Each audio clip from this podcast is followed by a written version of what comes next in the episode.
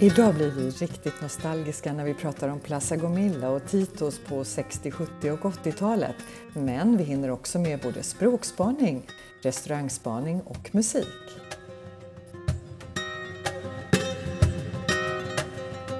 Hej alla våra lyssnare som bara blir fler och fler för varje avsnitt. Det är jag som är Helena. Och det är jag som är Katarina. Och du Katarina, du är lyxliraren av oss två för du sitter på Mallorca. Ja, lyxlirare kan man kanske säga om man tycker att det är superlyxigt och härligt när det bara öser ner regn och är max 15 grader och blåser småspik. Men åh nej! Och här, och här i Stockholm, här har vi liksom bara sol hela tiden. Mm, vet du, jo, jag, jag, vet. jag tror att jag har en lösning på det, för det, jag tror att det är så här att jag tar med mig solen dit jag åker. Så vad säger du om att jag kommer ner nästa vecka? Mm, det tycker jag inte du ska göra, för nästa vecka ska jag åka och hälsa på mina föräldrar på Öland, så det ger du tusan i. ja, ja, men det kommer säkert bli bättre snart. Ja, men det är klart det gör. Men det är lite ombytta roller faktiskt, för vi har haft väldigt dåligt väder. Jag har nog inte varit med om något liknande någon vår sedan vi flyttade hit faktiskt. Nej. Men Alltså det gör ju att man får bli lite påhittig. Ja, just det. Inomhusaktiviteter då förstår jag. Precis, när man inte bara kan sitta och hänga ute på terrassen hela dagarna. Mm. Mm. Så vi har gjort massa roligt den senaste tiden. Ja, vad kul! Mm. Vi har, dels har vi varit på eh, pubkväll på Svenska kyrkan. Ja, men det är ju så coolt! Va? En kyrka, ja, man... en kyrka som har pub. Vi var på kyrkpub och då var Anna-Lena Brundin och Jan Sigurd där och uppträdde. Sjöng, eh, berättade roliga härliga historier och eh, ja, men det, var, det var jättetrevligt. Ja, vad kul! Har de någon relation mm. till Mallorca eller råkar de bara gå förbi? Ja, nästan. Nej, men de har en relation till Carolina eh, som jobbar på Svenska kyrkan och som är gift med Jakob Hellman. Så, så där artister, musiker emellan så blev de hitbjudna för de hänger vanligtvis eh, i södra Frankrike. Ja, ja, det var inte så långt att åka. Nej, men det var ju Nej. jättetrevligt. Ja, men så det är liksom det här med nattvardsvin och oblat, det kan vi glömma. Nu är det oliver och öl. Ja, faktiskt är det så. ja, det är så härligt. Och då vill jag passa på att göra lite reklam för kyrkans bokklubb där jag också är med. Aha. Mm. Ja, de träffas tredje onsdagen i varje månad och eh, diskuterar en bok som alla har läst. Mm. Jätte jättetrevligt är det också. Mm. Och du vet ju, Svenska kyrkan här i, på Mallorca, de behöver varenda krona och varenda aktivitet de kan få. Mm. Ja, vi brukar ju puffa för att folk ska bli medlemmar i Svenska kyrkan på Mallorca, alltså även om de är medlemmar i Svenska kyrkan Sverige så tecknar man ett medlemskap här också. Ja, mm. exakt. Så bums in på deras hemsida och ta reda på hur du gör och pytsa in pengarna så att vi kan få ha kvar kyrkan med alla mm. underbara aktiviteter. Och det är bara 30 eller 35 euro per år, så det är liksom inga stora pengar. Nej, helt rätt. Sen så har vi gjort lite annat också. Vi hade ett litet fönster där det faktiskt solen tittade fram lite grann och då passade vi på att släppa med våra besökare från Sverige på lite vandring. Ja, ah, vad härligt! Vad härligt. Mm. Var det någon ny led eller var det någon gammal? Nej, alltså, vi tog en gammal favorit i repris, ja. en som vi vet går hem mm -hmm. hos eh, folk som bara är på besök och ska ut och vandra en dag. Mm. Vi tar bilen upp till Puerto Soyer mm. och så går vi upp till fyren och därifrån vandrar man upp bland bergen. Eh, tydligt utmärkta, jättefina leder att välja på. Mm. Och det bästa av allt, att när du har traskat upp för stenigt i en timme så bara liksom öppna sig landskapet och där ligger den vackraste finka man kan tänka sig. Där två franska systrar bakar öns absolut bästa mandelkaka. Oh, och nu säger jag det med bestämdhet för nu har vi provat ordentligt. Ja, men kommer, kommer Ulf att godkänna det här? Ja, jag vet att det här är hans gebit egentligen. Men jag, jag tänker bara köra över honom helt ja, ja, han är ju inte med i det här avsnittet. Nej, Nej. han kan inte säga någonting. Nej. Och vi var fyra stycken som provade och vi är alla eniga om att den var helt himmelsk. Ja. Det, det här lilla stället heter Son Mico och ligger ungefär en timmes vandring från eh, Puerto Soya. Ja, men, och utsikten är ju är helt fantastisk på den ja. vandringen. Ja. ja. Jätte, jätte, perfekt liten vandring. Och jag menar, de mest tveksamma blir liksom hugade vandringsentusiaster mm. när man har eh, gått den lilla vägen. Ja. Mm. Sen har vi förstås, du känner ju mig, vi har varit ute på lite nya restauranger. Ja, mm, spännande. Det är dyrt när det är dåligt väder. Ja, men eh, ja, men det, det får man ta liksom. Ja, man får ta det. Det är billigare att bara hänga på terrassen. Jo, det förstår jag. Vi har varit på en jättehärlig liten restaurang som heter Misseli, eller Misseli kanske, mm. i Selva. Och sen har jag, sist på bollen av alla känns det som, äntligen varit på Fera i Palma. Ah, ja, men där har jag också varit. Jag tror när de var ganska nyöppnade. De har såna här avsmakningsmenyer och vad jag minns så var det väldigt bra. Mm, vi var överens om att det var faktiskt bland de, den bästa restaurangupplevelsen på väldigt, väldigt länge. Så jag kommer att återkomma till det i ett senare avsnitt i form av en restaurangspaning. Aha, spännande! Mm. Mm. Men sen har jag varit på ett jätteroligt litet ställe där jag tror att du också har varit. Mm. I, I Genova, en liten pizzeria som är alldeles speciell. Ja, Sashimbomba! Ja, alltså, och stället är lika roligt som namnet. Ja. Och sen så, eh, för att avsluta min vecka här, så måste jag tipsa om en bra inomhusaktivitet när det regnar. Och det är att åka till Andratx och gå på ett fantastiskt galleri där som heter CCA. Jaha, okej. Okay. Mm. Mm. En stor härlig byggnad som jag, alltså jag tror att den är nybyggd fast i gammal stil.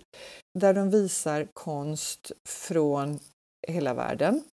Eh, och dit konstnärer kan komma och bo och eh, måla. Jaha, ja men det mm. är ju, det är, sånt är ju jättehärligt.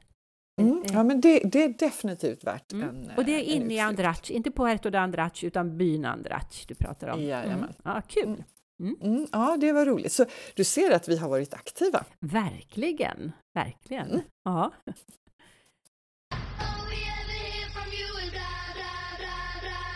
Mallorca-poddens språkspaning. Helena, vad bjussar du på för språkspaning idag? Jo, jag kunde ju inte låta bli för att den här pizzerian i Genova som både du och jag gillar så mycket, den har ju ett knasigt namn, Sa Chimbomba. Eh, vi, när jag hade varit där så var jag var så nyfiken så jag frågade taxichauffören på vägen därifrån, vad betyder egentligen chimbomba? Och då sa han, det är ett musikinstrument. Eh, men han kunde inte förklara liksom vad det var för typ av musikinstrument. Men jag har tagit reda på det. När jag kom hem sen så googlade jag för, för, att, för att se vad det var. Och det är ett instrument och jag kan förstå varför han inte kunde förklara vad det var. För jag har aldrig sett någonting liknande förut. Det ser, det ser ut som, du vet de här muggarna som du får när du köper läsk på McDonalds. En ja. stor mugg eh, med ett stort sugrör i. Så ser en chimbomba ut, fast större. Ja, jag vet. Jag, jag har sett. Du har sett sån? Ja. Ja. ja. Jag vet inte var och när, men jag känner absolut igen det. Och det låter så här.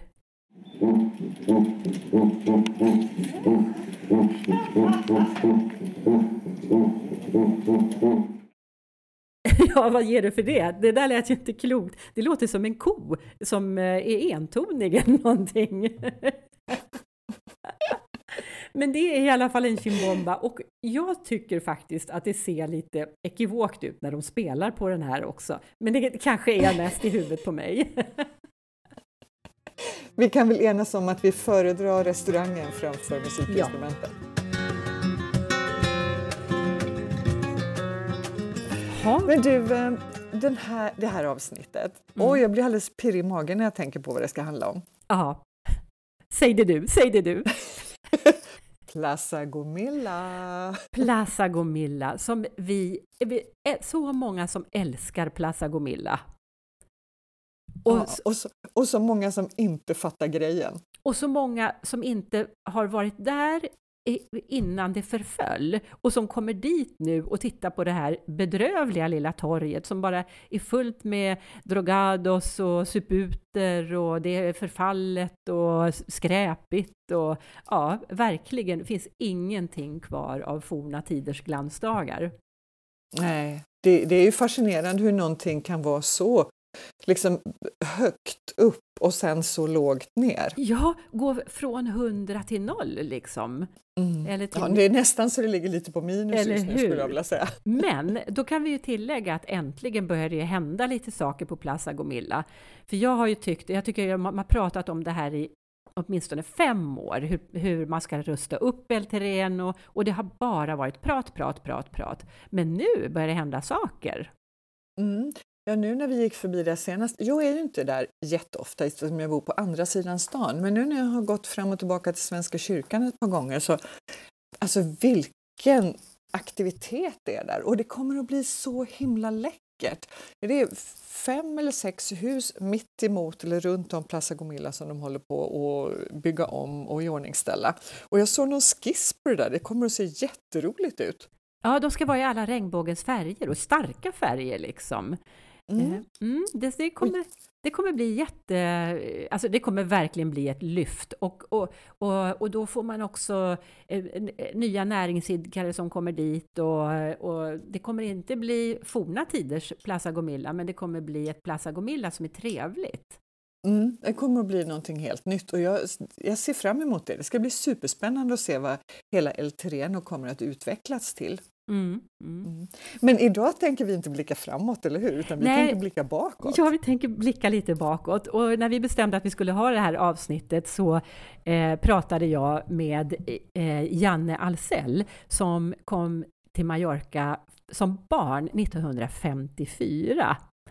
Och han ska berätta lite kort för oss eh, om Plaza Gomilla på den tiden och kanske fram till 70-talet ungefär. Är du lite nyfiken? Ska vi lyssna direkt? Jag är jättenyfiken! Ja, då lyssnar vi på Janne. Nu sitter jag med Janne Alsell här och eh, alltså vi känner ju varandra du och jag Janne, vi bor ju faktiskt ihop. Absolut! Ja, och vi delar alltså vår fina lägenhet här på Andrea Doria ett tag till. Ja.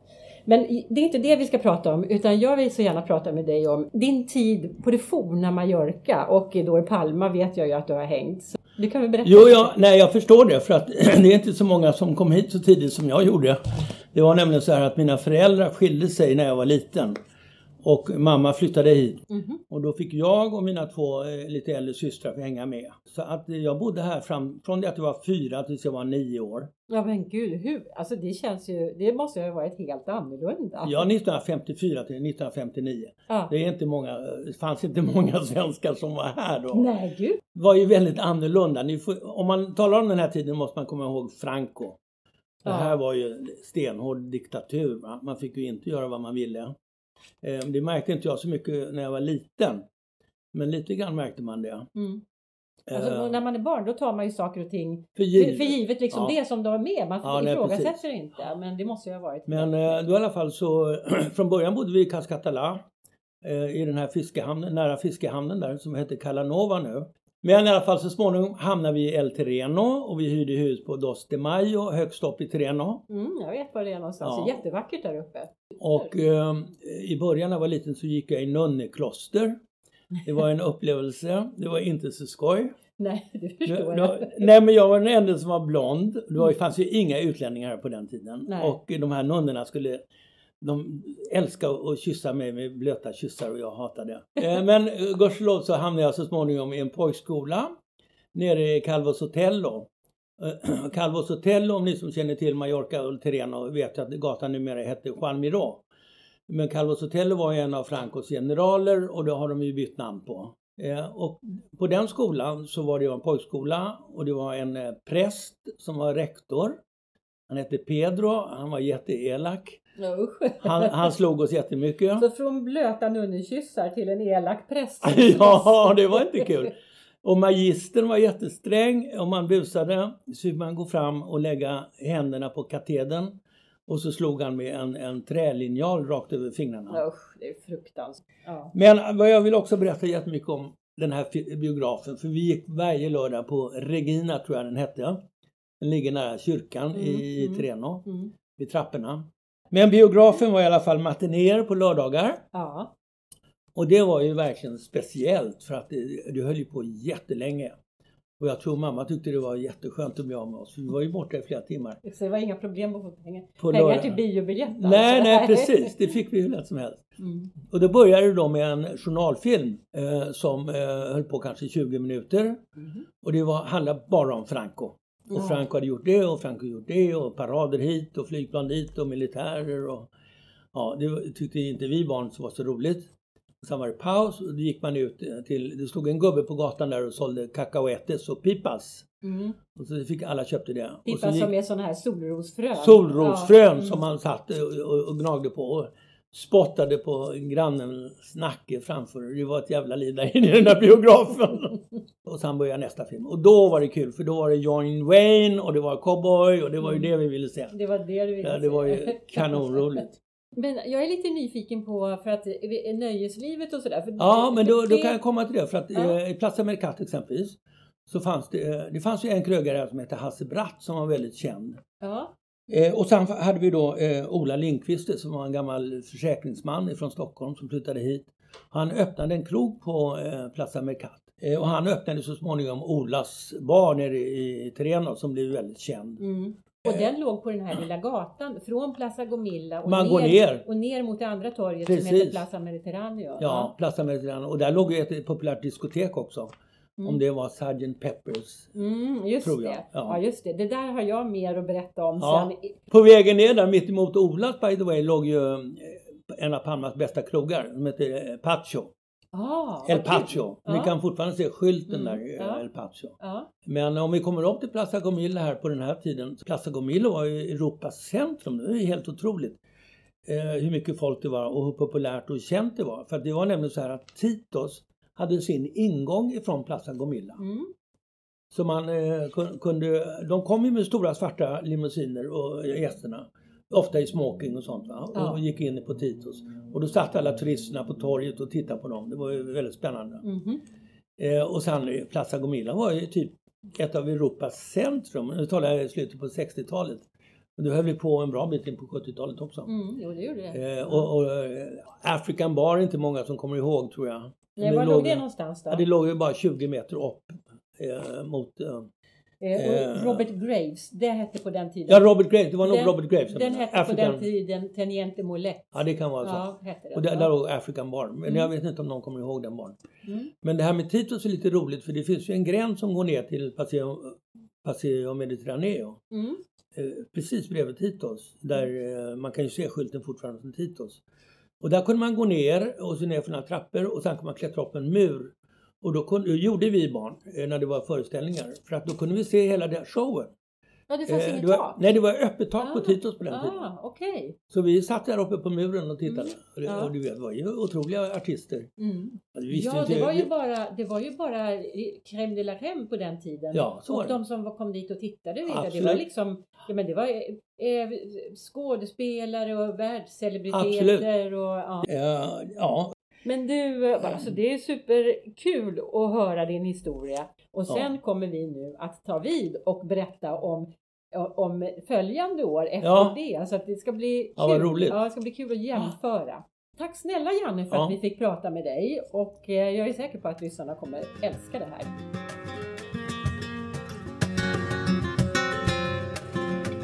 Nej men Helena, alltså åh, jag vill ju bara vara med och uppleva.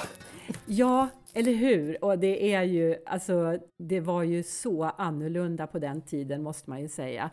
Och det som, det som jag tror är, egentligen är den stora skillnaden, det är ju det här med Franco som Janne nämner i början. Att Franco styrde ju Spanien med järnhand. Eh, och eh, han dog i slutet av 1975.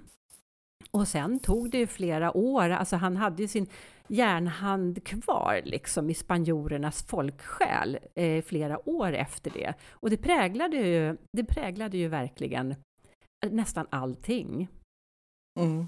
Och så var det. Och, eh, ja, faktiskt, vi såg, jag har nog pratat om det i podden förut, att vi såg en dokumentär i tre delar, en tysk dokumentär som handlar just om Franco.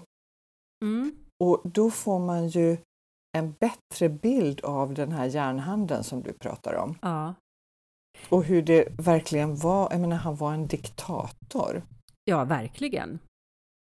Och det, det är klart att det tar tid att hämta sig efter en, en sån period. Ja, och den var ju ganska lång också. Nu minns jag inte, men var det 40, 40 år eller 50 år som han, mm. som han var diktator i Spanien? Och det är ju en hel generation liksom som mm. växer upp med det här. Det tar ju tid. Och även eh, stor fattigdom under den tiden. Ja. ja. Men det var så roligt, för eh, mycket av det som Janne pratade om, jag kom ju ner, jag började ju resa ner till Mallorca kanske 77, 78 där kring liksom. Så jag tog väl vid lite grann när Janne åkte därifrån. Och eh, det här som han nämnde att eh, Juan Miró, Avenida Juan Miró, som är en jättelång gata som går liksom hur långt som helst, den hette på den tiden Calvo Sotelo och det var ju en av Francos generaler. Och då när Franco hade dött sen, då började man successivt byta namn på gatorna. Och det var precis den här tiden som jag var där nere. Så att eh, när jag var nere första gången, då var, hette det Calvo Sotelo och nästa gång jag kom ner så hette det Juan Miró. så det var en stor förändring. Mm. Det har väl fortsatt eh, vad jag förstår, så det är många torg och gator som har nya namn. Jag vet att vårt torg där vi bor har också ett annat namn nu än vad det hade på 70-talet. Ja, och då är det troligt äh, att det är någon av Francos gamla gubbar liksom som, äh, som det har varit, som har haft namnet förut och så har man velat städa bort den här mörka perioden och eh, satt dit nya gubbar istället. mm, och det var ju likadant då att man inte fick eh, prata mallorquin eller katalan så mm. många gator och eh, torg har ju fått nya namn mm. eh, på katalan. Mm, ja, det kanske inte alltid är så praktiskt, eh, men det, det, det, kan vi prata om en annan gång. Det kan vi prata ett helt avsnitt om. ja, men jag blir så förtjust också för att Janne pratade ju om den här biografen som, de, som låg på eh, Robert Graves, som det heter nu, men då tror jag att det hette Teniente Molet på den tiden den gatan. Och han gick ju dit då och tittade på gamla journalfilmer från Franco och sådär.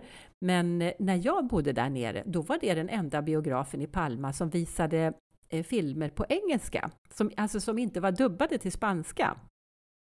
Aha, och, ja. Eh, och jag, alltså jag pratade spanska redan då, för jag hade ju läst spanska som ung på gymnasiet. Men eh, det var, alltså den var inte så bra så att jag kunde se en film och, och ha behållning utav det.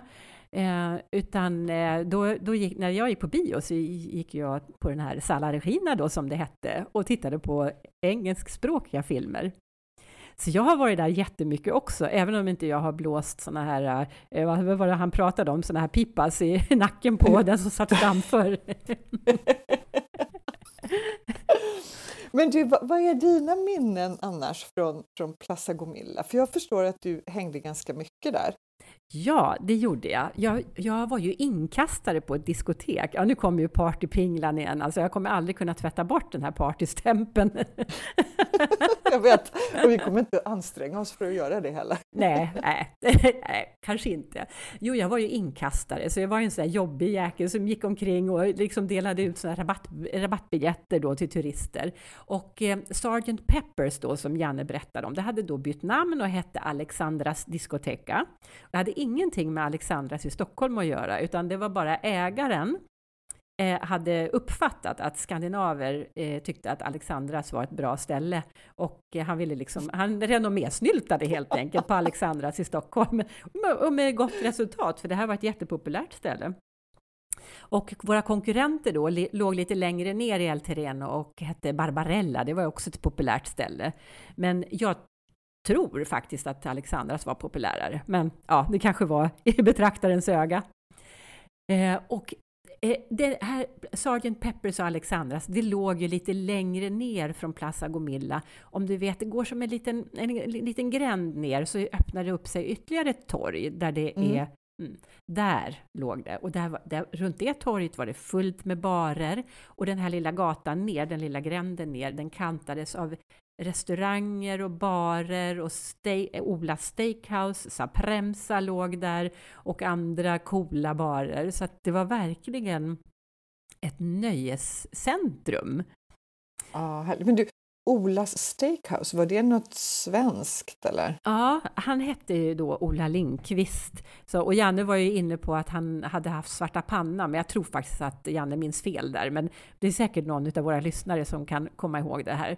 Eh, han hade eh, ett steakhouse, det var jättebra köttrestaurang helt enkelt. Och eh, det var då en svensk som ägde. Men du, mm. bodde du i det här området också?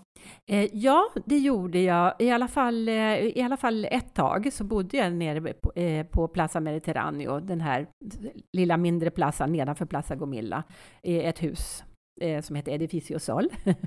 mm. Eh, och, eh, men sen året därpå flyttade jag in till Palma och bodde ungefär på, där jag bodde nu senast, vid, vid Avenida Argentina. Mm. Så jag sluter cirkeln på mitt Tillbaka eget sätt. Tillbaka till brottsplatsen. Ja, eller hur? Men, Men du, det, hur, är, hur är ditt förhållande till Titos? Jo, alltså det, det, det, är lite konstigt, för det var ju en enormt känd nattklubb med, precis som Janne sa, idel kändisar som kom dit. Det var Sean Connery, Brigitte Bardot, jag menar alla hade varit på Titos. Men när jag var där under den här perioden, sent 70-tal, tidigt 80-tal, då, jag ska ju lägga till att jag var ju knappt torr bakom öronen, jag var i 20-årsåldern. Eh, men vi satt ju på Plaza Gomilla, drack drinkar och tittade liksom och vi gick på diskotek och var jättekola. Och då kom det busslaster med charterturister och tanter, säkert 40 år gamla, oh. med, med, med, virkade sjalar runt axlarna och skulle gå på den här nattklubben. Och vi tyckte det var så jättetöntigt så det fanns inte. Men det där, alltså, jag blev lite förvånad när du berättade det för mig. Eh, för att när jag var här eh, ja, i mitten på 80-talet mm -hmm. och eh, då, då, var ju Titos ett rätt coolt ställe. Så jag grottade ner mig lite i det där och det visade sig att det hände ju någonting där på 80-talet. Mm. Att de, eh, de, de, stängde 1985 och så renoverade de hela nattklubben och sen när de öppnade så var det med full stjärnglans igen. Ja, just det. Och var det då de flyttade entrén också? För att eh, eh, Janne nämnde ju att entrén till Titos nattklubb, den var ju uppifrån Plaza Gomilla. Och det var den under den tiden som jag bodde där också, att det, det, var, det var den enda ingången. Mm. Det var det när, alltså då efter renoveringen också. Jag kan inte säga att det var den enda ingången, för jag, alltså jag tror att man kunde gå in både nere från Paseo Marittimo och uppifrån Plaza Gomilla. Mm, ja, just det. Men de kanske var, just det, det fanns ju antagligen. Ja, för jag vet att absolut att man kunde där. gå in där, där uppe. Mm. Mm. Eh, men det, och det var i alla fall den huvudsakliga ingången under många decennier. Och jag tror att det kanske hjälpte till att ge Plaza Gomilla den här eh, nöjescentrumstatusen eh, ganska mycket. För att eh, det drog ju då eller det hade ju då dragit alla de här celebriteterna som hade funnits där och då var det naturligtvis helt underbart att sitta på torget, läppja på en gin tonic och, och titta på alla de här vackra människorna och, och, och, och, roa sig. Men du, du vet att eh, Titus har en mycket längre historia än från 60-70-talet?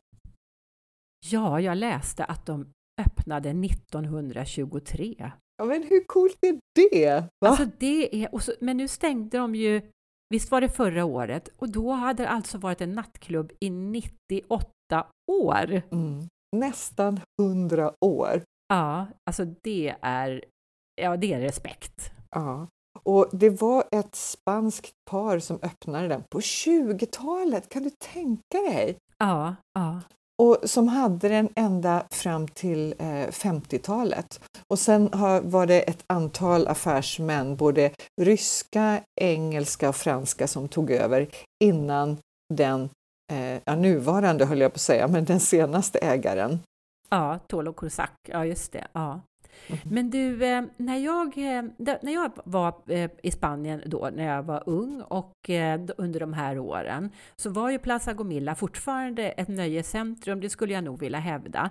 Men det fanns andra, som, som, andra områden som väntade på att ta över. Och det gjorde de ju så småningom sen också. Men jag kan ju nämna som parentes att Ibiza kom ju stort under de här åren. Så Mallorcas stjärna började dala lite grann och Ibizas stjärna steg rätt så kraftigt eh, strax efter ja, men 80. Eh, och eh, nöjeslivet då i Palma började flytta ut mot Magaluf och man öppnade Alexandra 2 där ute vet jag och eh, ja, men andra klubbar som du kanske minns bättre än jag. Mm. Jag var ju här 86 och 88. Och, men jag skulle vilja säga att vi hängde rätt mycket på Plaza Gomilla då också och det var väl för att Titos hade öppnat efter sin re renovering och var väldigt, väldigt hajpat. Mm, jag, jag, det. Alltså det var otroligt snyggt där inne med de här tre våningarna, stora dansgolv och balkonger man kunde stå och kolla ut över dansgolvet.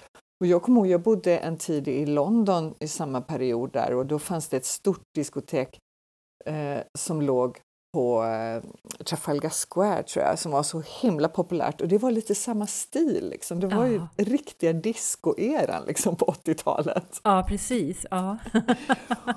och, så vi var mycket där, men jag kommer också ihåg att samtidigt så byggdes ju det här jättediskot i Magaluf som hette BCM. Mm. Bartolomeos to, BC, Kursak någonting. Det, det var samma ägare. Ja, det var det. Och jag kom, mm. vet vem de hade som spelade. Jag vet inte om det var på opening night eller om det var strax efter.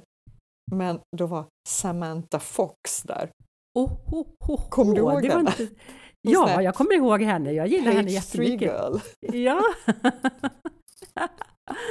Men eh, ja, alltså det, det var ju coolt och det blev, blev ett väldigt coolt ställe där ute i Magaluf också. Så att Nöjescentrum flyttade dit så småningom, det kanske inte var så konstigt. Nej, det var det ju inte, men jag tänkte det fanns ändå ett par ställen som fortfarande var superheta inne i stan. Vi brukade gå på ett ställe som hette Abraxas någonting? Ja, Abraxas vid, vid väderkvarnarna. Ja, precis. Ja, där gick, jag, där gick jag också faktiskt. De öppnade ungefär i den vevan, runt 80 tror jag.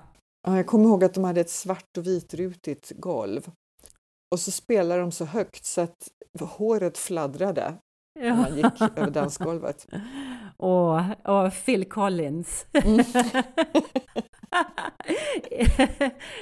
Eh, men, men hur som helst, om vi ska dröja kvar vid Plaza Gomilla så tänker jag ändå att Titos bidrog väldigt mycket till Plaza Gomillas eh, glanstid och eh, sedan många år tillbaka så har ju de haft ingången nere från Paseo Maritimo och då tror jag att Plaza Gomilla dog med det. Ja, det är jag helt övertygad om att du har rätt där. Mm. Men jag kommer ihåg när vi, alltså man, det var ju precis som det är nu i Spanien, att det är man gick ju liksom inte ut klockan nio på kvällen utan jag kommer ihåg att vi gick och la oss och så satte vi klockan på ringning vid tolv. Och så klev man upp, gjorde sig i ordning och så var man på Titus sådär vid ett-tiden. Ja. Och så kunde man gå vidare till Abraxas till exempel efteråt. Mm, och sen så gick man tillbaka till... till Plaza Gomilla och tog liksom en kaffe och en croissant på morgonen vid sextiden. Aha, mm. okej. Okay. Innan man gick hem och la sig. Ja, men hade barerna på torget liksom öppet då klockan sex på morgonen? Mm, jag vet att det fanns i alla fall kaféer som hade öppet. Mm. Mm. Uh, ja, helt, helt snedvridet. Jag undrar varför det blev så egentligen, att man skulle gå ut så himla sent. Men det har väl att göra med att man äter middag här klockan tio. Ja, men och det är fortfarande så att nattlivet börjar mycket senare i, i Spanien än vad det gör i Sverige. Ja, det är ju jättestor skillnad. Mm. Ja, ja, men det kan, det kan ju vara middagstiderna som du säger och arbetstiderna och, ja, men och sen tradition också naturligtvis. Ja. Ja, men det, det, är fantastiskt härligt att sitta och eh, minnas och jag ja. blir alldeles varm i magen. Ja, och vi vill gärna ha eh, minnen från er också, våra lyssnare, för vi vet att det är många som har en relation till Plaza Gomilla och till diskoteken, Eh, vad hette ditt favoritdiskotek? Skriv i kommentaren och berätta för oss, för vi tycker det är jättekul. Och alla andra tycker också att det är kul. Och ni vet att eh, vi lägger upp alla våra avsnitt på vår, eh, på vår Facebook-sida. Mm -hmm. Och under varje avsnitt, så i kommentarerna, så lägger vi länkar till det vi har pratat om. Ja. Eh, så vi får se om vi får någon bild på Helena som inkastare, för det har vi ju pratat om idag. Ja, eller hur? jag brukar kalla det där för guldgruva, men jag vet inte.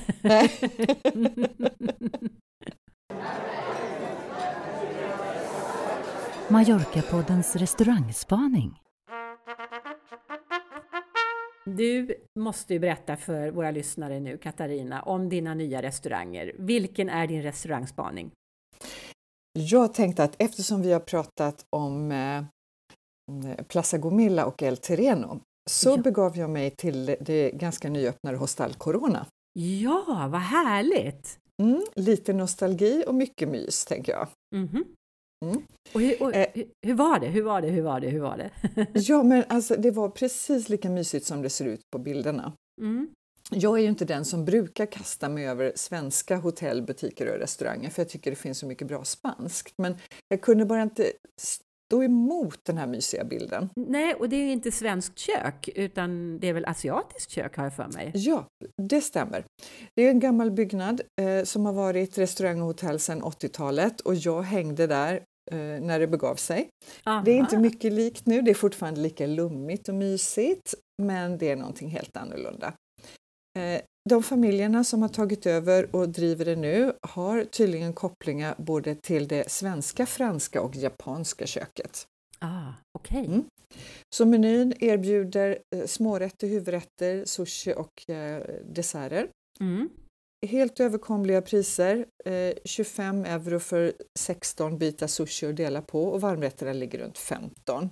Mm. Ja, men det är ju fullt överkomligt. Ja, eller hur? Och det som vi skandinaver gillar tror jag, det är öppettiderna. Här kan man äta från klockan sex på kvällen. Wow! Mm. och ja. på fredagar kör man AV från klockan 15. Och på tisdagar är det husdjurens dag. Jaha, så då tar man med sig på Jarl och går dit? Då tar man med sig på Jarl. Vad har de en särskild hundmatsedel då eller? jag vet inte riktigt, vi får prova. Men jag kan definitivt rekommendera det här stället. Eh, maten är helt okej, okay, men det är framför allt miljön som är det fantastiska.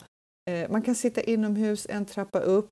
Man ska tydligen ha en bodega med fina viner. Den har jag inte provat och snart ska man också öppna med eh, 14 stycken rum som man kan hyra ut. Men att smyga hit en ljummen eftermiddag, kväll, ta ett glas, sätta sig i trädgården, njuta av både växtlighet och vänlighet, det är ett bra tips. Men eh, vad händer härnäst då? Ja, men har man... Ja, vad händer härnäst?